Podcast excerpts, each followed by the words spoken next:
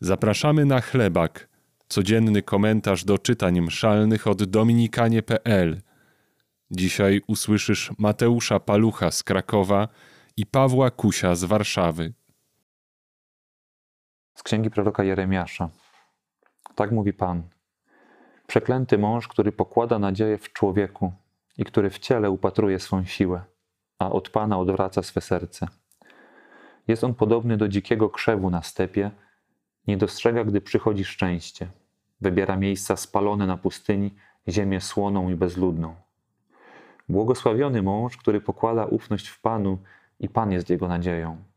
Jest on podobny do drzewa zasadzonego nad wodą, co swe korzenie puszcza ku strumieniowi. Nie obawia się, gdy nadejdzie upał, bo zachowa zielone liście. Także w roku posuchy nie doznaje niepokoju i nie przestaje wydawać owoców. Serce jest zdradliwsze niż wszystko inne i niepoprawne, któż je zgłębi. Ja, Pan, badam serce i doświadczam nerki, abym mógł każdemu oddać stosownie do jego postępowania, według owoców jego uczynków. Dzisiaj prorok Jeremiasz posługuje się dwoma obrazami y, botanicznymi.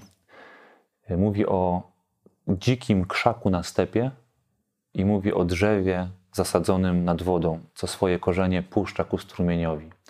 Ten motyw drzewa wkorzenionego w ziemię, który czerpie wody z pobliskiej rzeki, jest motywem popularnym w Piśmie Świętym. Obrazuje człowieka sprawiedliwego, pobożnego. Yy, dwa psalmy przywołują ten obraz, Księga Przysłów, Mądrość Syracha i również Jeremiasz. Yy, to jest obraz człowieka, który nie obawia się, kiedy przychodzi upał, człowieka właśnie zakorzenionego w Bogu. W czasie posłuchy, jak mówi księga, nie doznaje niepokoju i nie przestaje wydawać owoców. No dla mnie osobiście to jest raczej jakiś obraz, y, który jest punktem dojścia. Jeśli miałbym się w którymś z obrazów odnajdywać, to chyba dzisiaj bliżej mi jest do dzikiego krzaka na stepie czy na pustyni, który tej wody ma niewiele. Y, ale jeżeli nawet tak jest, to dobrze y, wiedzieć, że punktem dojścia jest drzewo, a punktem wyjścia może być taki krzak. Kiedy słyszę krzak na pustyni, jakoś od razu myślę o Mojżeszu i o tym krzewie, którego Mojżesz y, spotkał y, na pustyni, płonącym krzewie. Krzewie, którego właśnie Bóg wykorzystał, żeby ten krzew zapłonął jego obecnością. Y, ten obraz krzewu czy krzaka Jeremiasz przyrównuje do człowieka, który pokłada ufność w sobie, a obraz pięknego drzewa zakorzenionego głęboko w ziemi to jest obraz człowieka, który pokłada ufność w Bogu. Y, myślę, że y, Mojżesz, który, który, który spotkał ten krzew na pustyni, jest też przykładem człowieka, który w dużej mierze, przynajmniej na początku, pokładał ufność w sobie. Mówił, Bóg go zaprasza na misję, mówi: Pójdziesz, dokonasz rzeczy wielkich, wyprowadzisz mój naród z Egiptu. Mojżesz, wiedząc, jakie ma siły, mówi: No nie pójdę, ja się jąkam. Jak pójdę, to co ja im powiem? Bóg go przeprowadzał z takiego momentu zaufania sobie do momentu yy, zaufania Bogu. Y, nieustannie musimy pamiętać, że to jest właśnie logika Ewangelii, logika Pisma Świętego. Bóg wybiera to, co małe i to, co słabe w oczach świata, żeby to podnieść, żeby to rozwinąć, żeby to rozkwitło i wydało owoce. Jednym z najpiękniejszych fragmentów całego y, Pisma Świętego dla mnie jest fragment z pierwszego listu do Koryntian, z pierwszego rozdziału. E, kiedy święty Paweł e, opowiada, czy mówi o tym, że Bóg wybiera właśnie to, co małe, to, co słabe, to, co głupie w oczach świata, aby zawstydzić mędrców. Paweł pisze, że Bóg wybrał to, co jest niemocne, aby mocnych poniżyć, to, co jest nieszlachetnie urodzone i wzgardzone, i to, co w ogóle nie jest, wybrał Bóg, aby to, co jest, unicestwić potężna moc y, w tym, co jeszcze małe, może spalone, może coś, co nie ma jeszcze liści, ale Bogu to wystarczy. Wystarczy, y, że to jest punkt wyjścia, tylko trzeba wyruszyć. Czy dasz mu się rozpalić Jego obecnością i czy uwierzysz w obietnicę, że kiedyś y, będziesz drzewem zakorzenionym, stojącym stabilnie, dającym schronienie też innym.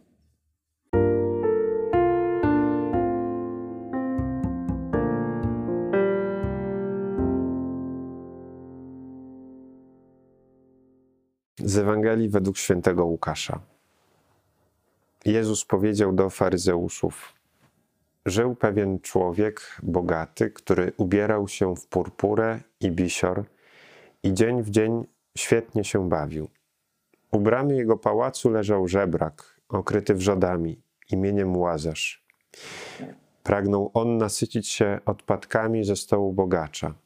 Nadto i psy przychodziły i lizały jego wrzody. Umarł żebrak i aniołowie zanieśli go na łono Abrahama. Umarł także bogacz i został pogrzebany. Gdy w otchłani pogrążony w mękach podniósł oczy, ujrzał z daleka Abrahama i Łazarza na jego łonie i zawołał: Ojcze Abrahamie, ulituj się nade mną i poślij Łazarza. Niech koniec swego palca umoczy w wodzie i ochłodzi mój język, bo strasznie cierpię w tym płomieniu. Lecz Abraham odrzekł: Wspomnij, synu, że za życia otrzymałeś swoje dobra, a Łazarz przeciwnie, niedole.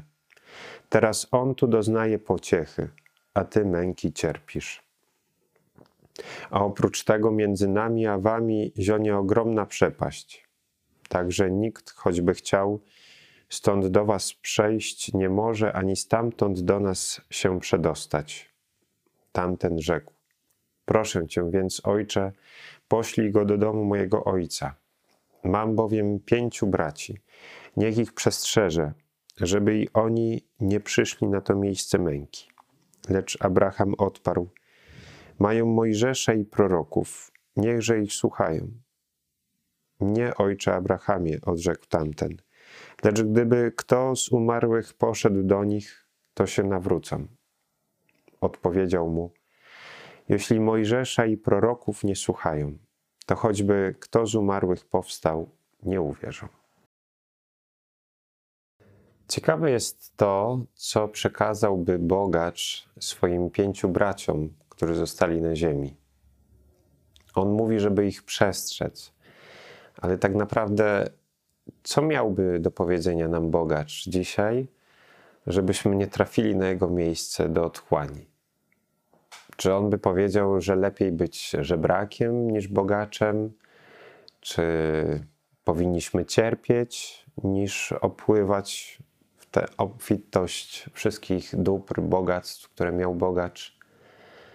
Chyba nie to chciałby nam powiedzieć, bo przecież nie o bogactwo się rozchodzi. Wcale to nie jest problem, że mamy dużo pieniędzy Problem pojawia się wtedy, gdy pieniądze, dobra, bogactwa przysłaniają nam drugiego człowieka. I to wydaje mi się, mogłoby być przesłaniem bogacza dzisiaj do nas. Że jego życie, chociaż miał tak wiele obfitości materialnych, tak naprawdę było dość puste, bo opierało się tylko na zabawie, na konsumowaniu, na jedzeniu tego, co zostało mu podane. Ale tak naprawdę jego życie nie miało prawdziwego sensu, które jest związane ze spotkaniem z drugim człowiekiem, z zauważeniem drugiego człowieka. Że to jest to pytanie, po co żyje? I papież Franciszek e, ujawnia i pokazuje, że to jest złe pytanie, które możemy sobie zadawać. Że nie powinniśmy pytać, po co żyję, tylko dla kogo żyję. Że to wtedy objawia nam tak naprawdę sens naszego życia, jeżeli ja uświadamiam sobie to, dla kogo żyję. Czyli jaki sens ma moje życie, objawia się w relacji wobec tych, kogo kocham, komu poświęcam swój czas, komu daję część swojego życia, tak naprawdę. Że żebrak był tym, który nie miał również swoich bliskich, ale miał y, gotowość tego, żeby przyjąć chociażby te psy, które lizały jego rany. I to jest gdzieś postawa naszego serca. Dzisiejsza Ewangelia skłania nas do tego, żebyśmy zobaczyli, czy ja mam gotowe, otwarte serce na to, aby dzielić się dobrem z innymi? Czy czasem pewne rzeczy nie przysłaniają mi drugiego człowieka, jego potrzeb, jego, jego gdzieś nędzy.